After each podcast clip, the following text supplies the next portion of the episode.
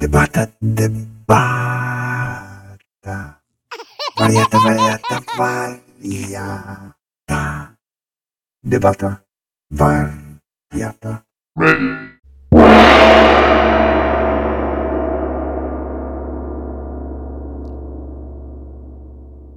Debata wariata.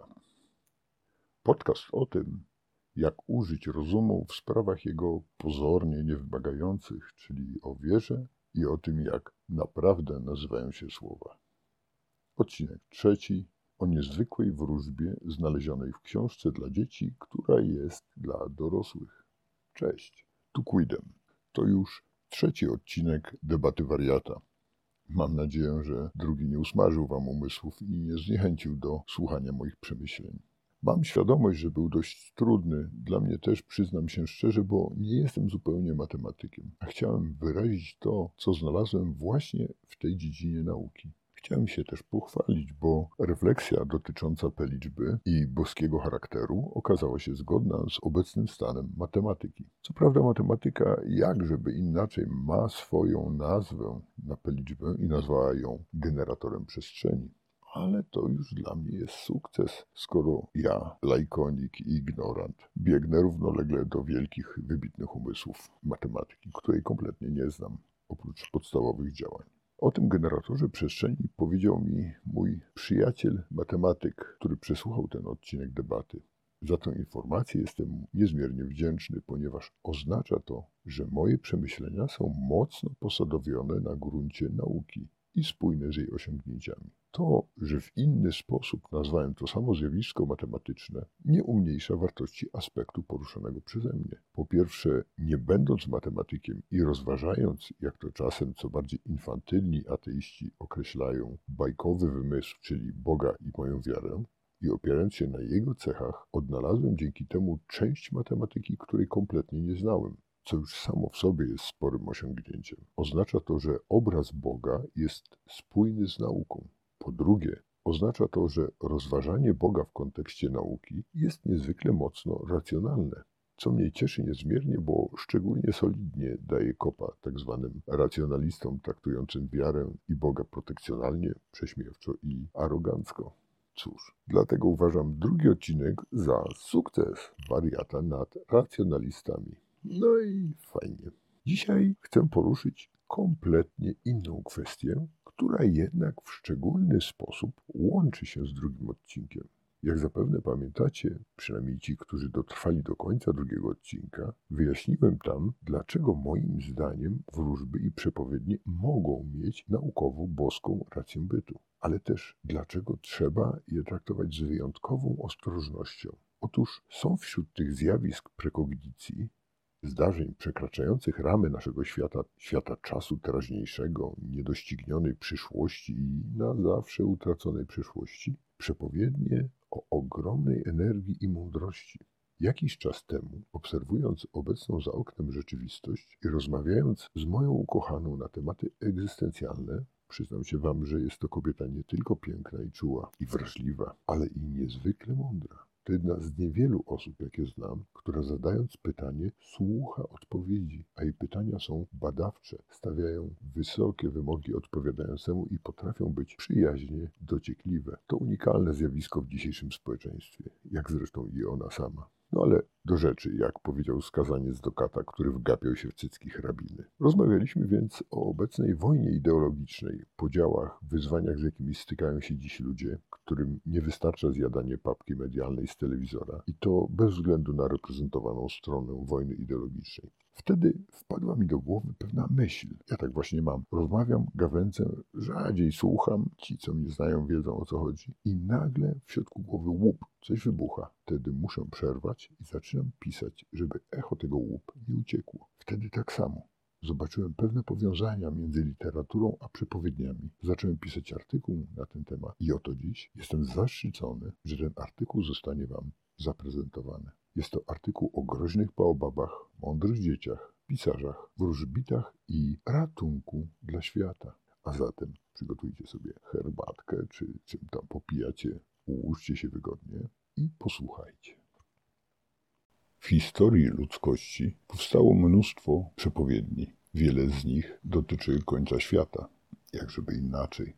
Są też przepowiednie, których treść staje się jasna dopiero po czasie, o którym mówiły. Jedną z najbardziej intrygujących są zapiski Nostradamusa. Ich treść jest oparta głównie na seriach silnie alegoryzujących i metaforycznych obrazów. Kod przekazu jest tak trudny, że dopiero po wskazanych przejściach czytelnicy dostrzegają ich wspomnienie w słowach Nostradamusa. A jednak, mimo tego permanentnego opóźnienia w odczycie, przepowiednie Nostradamusa są na szczycie wartości wróżebnych. Oprócz właściwych przepowiedni, czyli takich wystąpień, w których autor sygnalizuje wyraźnie ich prekognicyjny charakter, są wśród literackich zapisów myśli, których przenikliwość po czasie okazuje się praktycznie równoważna przepowiedniom, pomimo że ich formuła to z pozoru zwykła literacka fantazja. 1984 czy Folwark zwierzęcy Orwella to przykłady geniuszu wizji tego pisarza, Obie książki dziś możemy traktować jako opis aktualnej sytuacji polityczno-społecznej świata. Możemy podobnie traktować wszelkie maści powieści fantastyczno-naukowe, których autorów geniusz, jak na przykład Juliusza Werna czy Stanisława Lema, potrafił niezwykle celnie przedstawić nam ich osobistą prognozę rozwoju ludzkości. Czy te myśli można traktować jako przepowiednie, czy raczej jako wyraz geniuszu analitycznego autorów? Trudno powiedzieć. Jedno i drugie ma boskie proweniencje. Jest jednak jeszcze inna książka, bardzo wysoko ceniona, wpisana w bibliotekę dzieł najwyższej próby w światowej literaturze, w której właśnie dostrzegłem w tym moim przebłysku elementy przepowiedni, wizji, czy nawet objawień. To Mały Książę Antoana de Saint-Exupéry. Tym, którzy nie czytali Małego Księcia, polecam tą lekturę.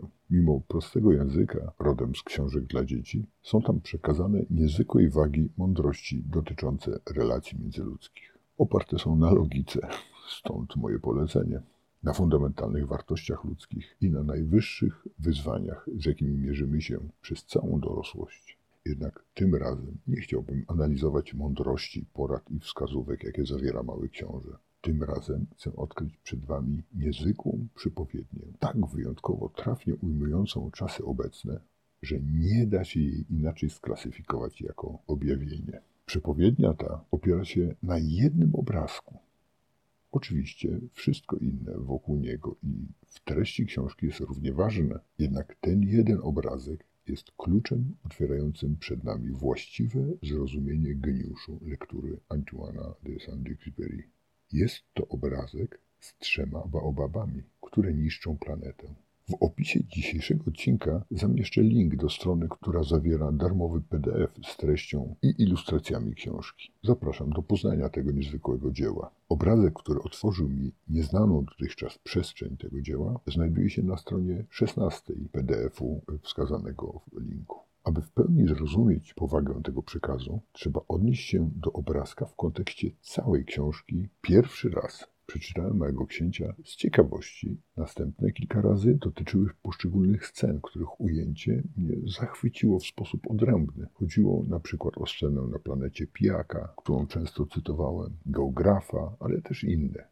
Każda z nich po dokładnym przestudiowaniu uderzała mnie zwięzłą trafnością prawdy, jaką przedstawiała. Scena z lisem po prostu urwała mi głowę. Jest świetnym opisem miłości, przyjaźni i tego, dlaczego pomimo ryzyka cierpienia i trudów, jakie łączą się z tymi pojęciami, warto je posiąść. A także tym, że miłość wiąże się z odpowiedzialnością. Jednak pomimo tych wszystkich genialnych spostrzeżeń, scen, opisów, dziś uważam obrazek z baobabami za najważniejszą rzecz, jaką ta książka zawiera. Najważniejszą, ponieważ ona właśnie wyjaśnia wszystkie inne.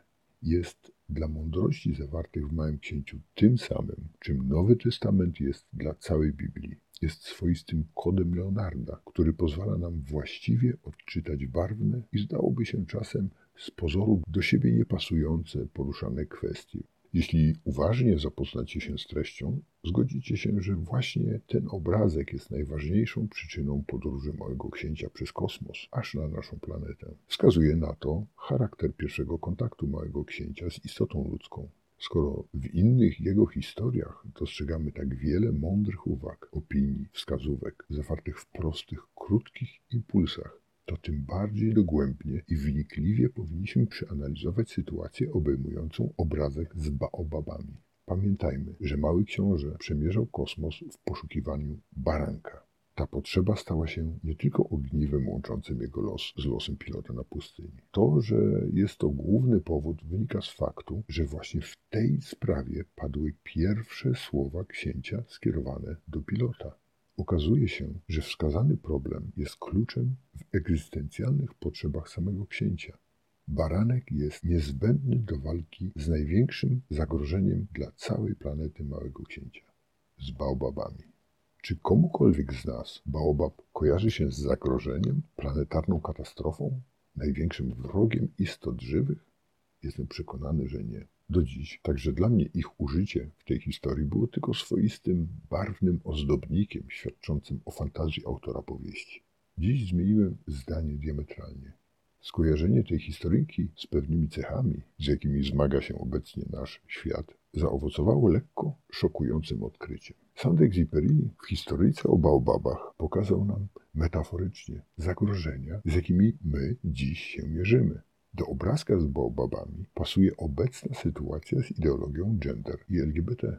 Idee prezentowane przez środowiska LGBT, radykalne środowiska lewackie i powiązane z nimi środowiska proekologiczne w swojej retorycznej formule nie noszą cech czystego zła. Środowiska te opierają swoje idee na takich tematach jak równość wszystkich, poszanowanie praw każdego do kształtowania siebie według własnego widzimisię, dbałość o planetę i tym podobne. Z takimi pojęciami rozsądny człowiek nie walczy, bo po co, skoro sam uznaje ich pozytywny aspekt. I tu mamy pierwsze podobieństwo do baobabów. Mały książę opowiada, że problem z baobabami zaczyna się już na poziomie nasion. Są niezwykle podobne do innych, nie do odróżnienia. Ideologie gender, czy powiązane z nimi ekologiczne ruchy oraz ruchy LGBT, również w swojej pierwotnej strukturze są praktycznie nie do odróżnienia od idei dobrych. Tak samo jak pierwsze młode pędy baobabów wydają się równie niegroźne jak inne pomysły nowoczesnego świata. Moda, muzyka. Natomiast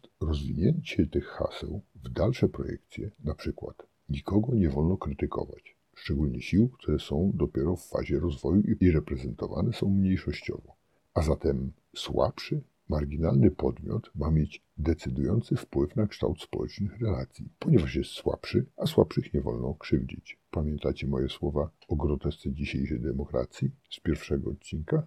No właśnie. Następne. Każdy może redefiniować fundamentalne zasady, na jakich opiera się cywilizacja, jak chce. To dotyczy tych idiotycznych postaw, że każdy według siebie może definiować dobro.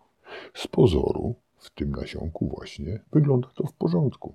Jednak wystarczy zrozumieć, że skoro każdy może ustalać własne rozumienie dobra, to w tym momencie dobro przestaje istnieć. Natomiast zło, które nie jest konkretnym kierunkiem, a po prostu każdym, który oddala nas od dobra, rozlewa się jak może. Dlaczego tak jest? Spróbujmy to zrozumieć krok po kroku. Wszyscy twierdzimy, że jest dobro i że dobro jest dobre.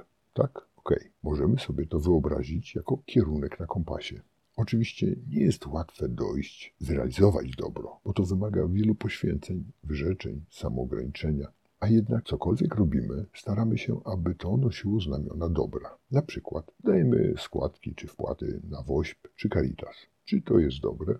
Specjalnie wybrałem dwa flagowe działania charytatywne dwóch przeciwnych światopoglądowo obozów społecznych w naszym kraju, bo każdy z nich można zanegować i każdy można uznać za dobro. Czyli każdy z Was znajdzie w nich swój wektor, kierunek dobra. Jeśli uczciwie rozmawiamy, to możemy przyznać, że my tak do końca tacy dobrzy absolutnie nie jesteśmy.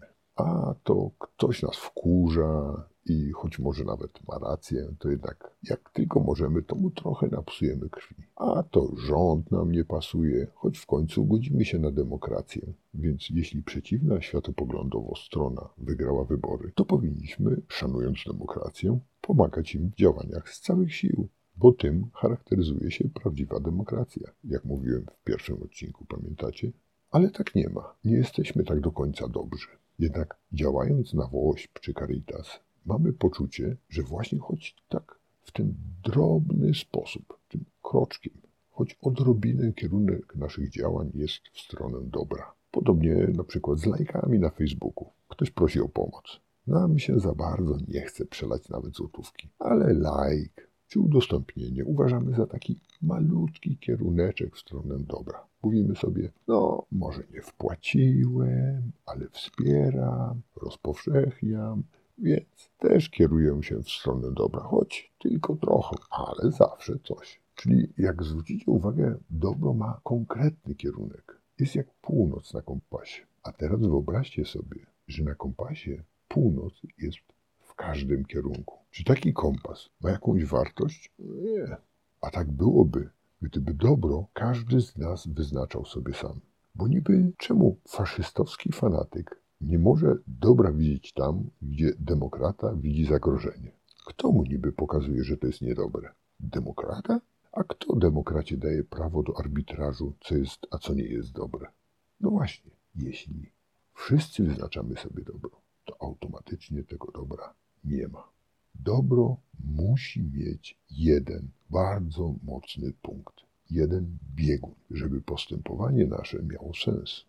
Inaczej wszystko, co robimy dla innych, ten sens traci. A to właśnie sugerują te nowoczesne ideologie. Każdy może uważać siebie za to, co on chce. Może uważać siebie za kobietę albo za płeć numer 45. Nie mam pojęcia, co to jest, ale na pewno coś niezwykle intrygującego. Może uważać brak zobowiązań wobec swojego partnera za jego rozumienie miłości. Może uważać niechęć do płacenia podatków za swój przejaw wolności obywatelskiej. Tak rozpieprza się nam cały konstrukt cywilizacyjny. To są te nasionka baobabów, które urosły i zaczęły korzeniami rozsadzać planetę. Skoro już odsłoniłem przestrzeń porównania, to spróbujmy jeszcze raz naświetlić historię tego zagrożenia w oparciu o wizję Antoana Saint-Exupéry. Książę miał na swojej planecie ukochaną różę, bardzo wrażliwą, piękną istotę. Róża zjawiła się tam nagle, niespodziewanie dla samego księcia, który przecież co dzień patrolował planetę walcząc z baobabami. Róża powstała od razu w pełni i od razu była ukształtowana. Z pozoru była ona dobrze przystosowana do egzystencji. Nawet posiadała kolce, broń mającą ją chronić. W rzeczywistości, czy te kolce chronią ją przed szkodnikami? Sam książę zauważył, że gąsienice i inne szkodniki nie mają problemu z ominięciem tej zapory. A zatem róża, mimo pozornego uzbrojenia, była bezbronna w realnym świecie. Poza tym była wymagającym, zapatrzonym w siebie jestestwem. Mimo tych cech, można powiedzieć nawet wad, mały książę ją pokochał i przez całą historię, aż do jego powrotu, była jego wielką miłością oraz osią jego poczynań. Wydawałoby się, że to właśnie o róży wspomni pilotowi w pierwszych słowach, o tęsknocie, o tym, jak do niej wrócić. A jednak pierwszy problem, jaki wskazał pilotowi w pierwszej chwili ich spotkania, to jest zagrożenie planety spowodowane przez baobabę. I ja to rozumiem w taki sposób. Najpierw wytypujmy alegorycznych bohaterów przepowiedni. Róża, moim zdaniem, jest pięknem wiary, kościołem. Ma jego cechy. Kościół powstaje jako dojrzała myśl przekazana przez Jezusa. Choć kształtował się przez około 400 lat, to praktycznie nikt nie dostrzegał go do momentu, aż Konstantyn Wielki nie przyjął chrześcijaństwa. Wtedy nagle róża stała się dojrzałym faktem. We wcześniejszych odcinkach wspominam o tym, że jeżeli mówię o wierze czy kościele, to mam na myśli moje wyznanie i uzasadniam wystarczająco solidnie dlaczego. Dlatego do tego już nie wracamy. Słońce, a jednocześnie baranek to Bóg, co niezwykle zbieżne z moją wiarą, za boską obecność można też uznać niezwykłą formę podróży księcia przez kosmos. Do swojej ucieczki wykorzystał odlot wędrownych ptaków. Zastanówcie się nad tym. Saint-Exupéry mógł wymyśleć cokolwiek, co ma logiczny, dziecięco zasadny sens, oparty na faktycznych cechach. Mógł po prostu podskoczyć, wystrzelić się, czy zbudować wielką procę. Odlot wędrownych ptaków. Ptaki to atmosfera. Wędrowne ptaki opierają swoje zdolności na umiejętności korzystania z prądów powietrza. Takie prądy nazywamy wiatrem, a wiatr jest boskim atrybutem Ducha Świętego. Ptaki były też symbolem odnalezienia ziemi przez Noego, czyli słońce, baranek i wiatr Ducha Świętego. Czy nie wystarczy, by powiedzieć, że to trzy oblicza naszego Boga? Mamy następnie baobaby. Baobaby są zagrożeniem o szczególnym charakterze.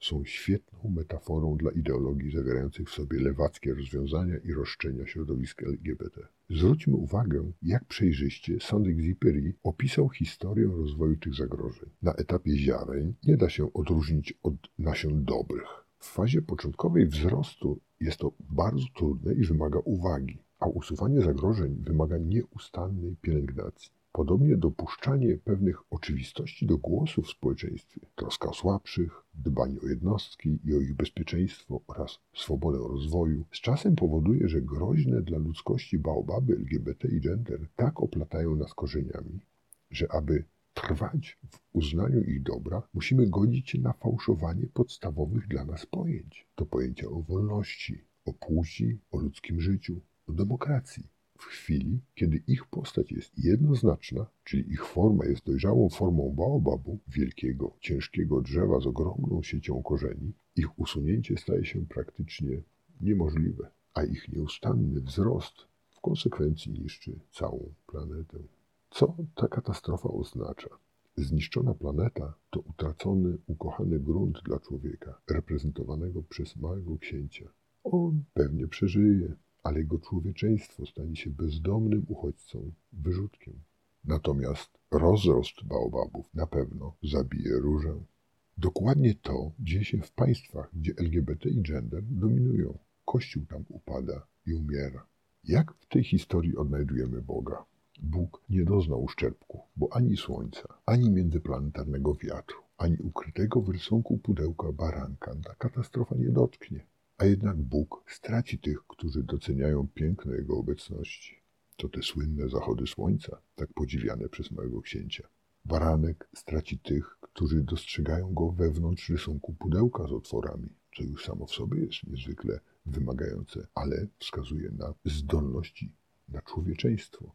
A Duch Święty przestanie nieść człowieka, którego piękne umysłu potrafiło tak genialnie poznawać planety, które dzięki duchowi odwiedzał. Czyli Bóg w każdej postaci, pomimo że sam nie doznał uszczerbku, odczuje w swojej miłości smutek za człowieczeństwem w jego najlepszej, najmądrzejszej postaci. To dość smutna nuta przepowiedni.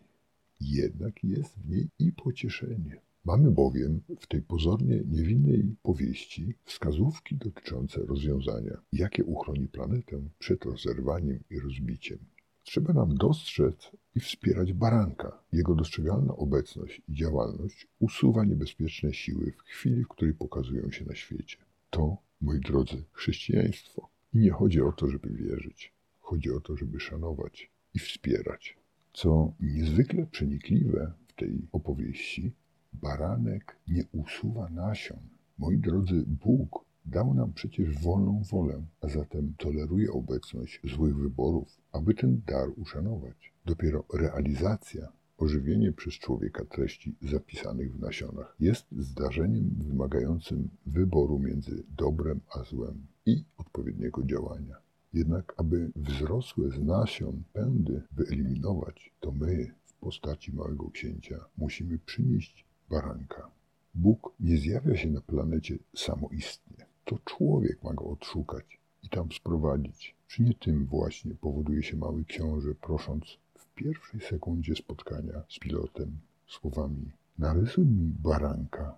W tym obrazie jest pozorna sprzeczność. Skoro róża jest kościołem, to czemu trzeba ją chronić przed barankiem? Ano, to rzeczywiście pozorna sprzeczność. Kościół, podobnie jak róża, zawiera w sobie wiele elementów, eufemistycznie ujmując, nieboskich. Próżność, narcystyczne przekonanie o swojej wyjątkowości, wielka wiara w pozorne bronie, protekcjonalizm w osądach i przekonanie o tym, że rolą człowieka jest jej usługiwać. Kościół dba o blichtr ceremoniałów. Te cechy często są przedstawiane jako zniechęcające wobec Kościoła, a wielu wskazuje, że Bóg baranek Kościół w takiej formie by wykreślił. Skoro uznajemy ponadczasową mądrość przekazu całej książki, to czemu tak łatwo przyjmujemy ten element jako rodzaj defektu logicznego? Jak już wskazałem we wcześniejszym odcinku, wyjaśniając zagadkę wszechmogącego Boga i kamienia, którego nie może podnieść, skoro uznałem małego księcia za genialną przepowiednię,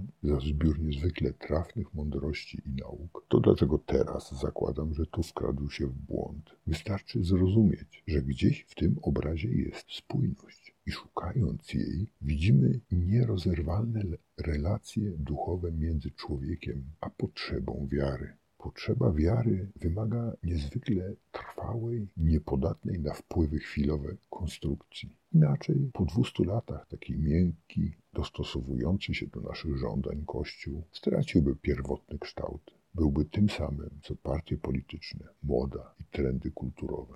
Znów kompas nie pokazywałby jednego kierunku dobra, tylko kręciłby się jak idiota dookoła. Dlatego właśnie Kościół ma taką formę, dlatego też ma dostrzegane wady. To skutki uboczne koniecznych cech tej instytucji. Tradycjonalizmu, skostniałej niemal formuły i potęgi oddziaływania, czyli władzy. Wystarczy teraz zrozumieć, że to piękno tej róży należy chronić, ale jednocześnie należy mieć świadomość wymienionych wyżej cech.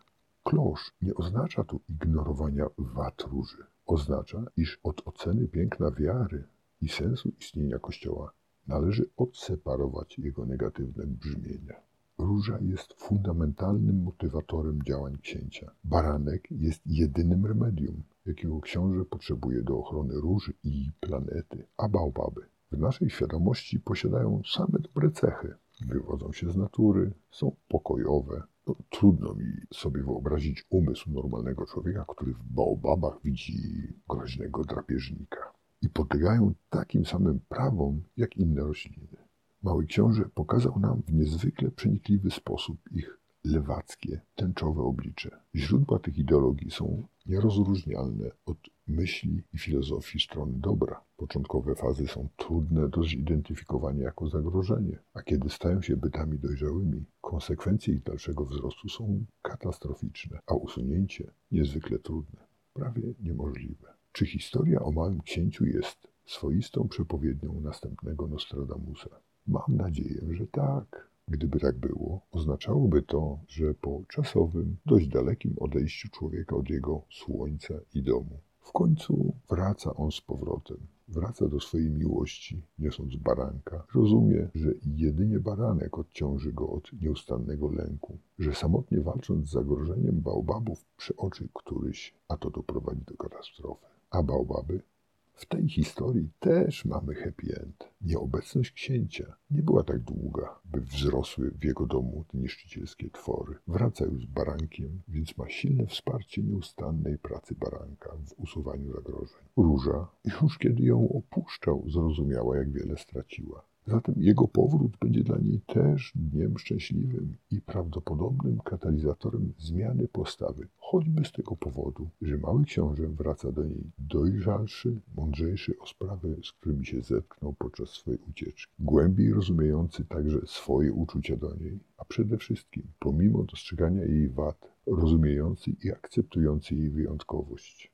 Najważniejszym dla mnie pocieszeniem jest to, że w chwili, kiedy zrozumiałem alegoryczne podobieństwa historii o Małym Księciu z aktualną sytuacją na świecie, baobaby jeszcze nie wzrosły na tyle, by być już nieusuwalnym pasożytem.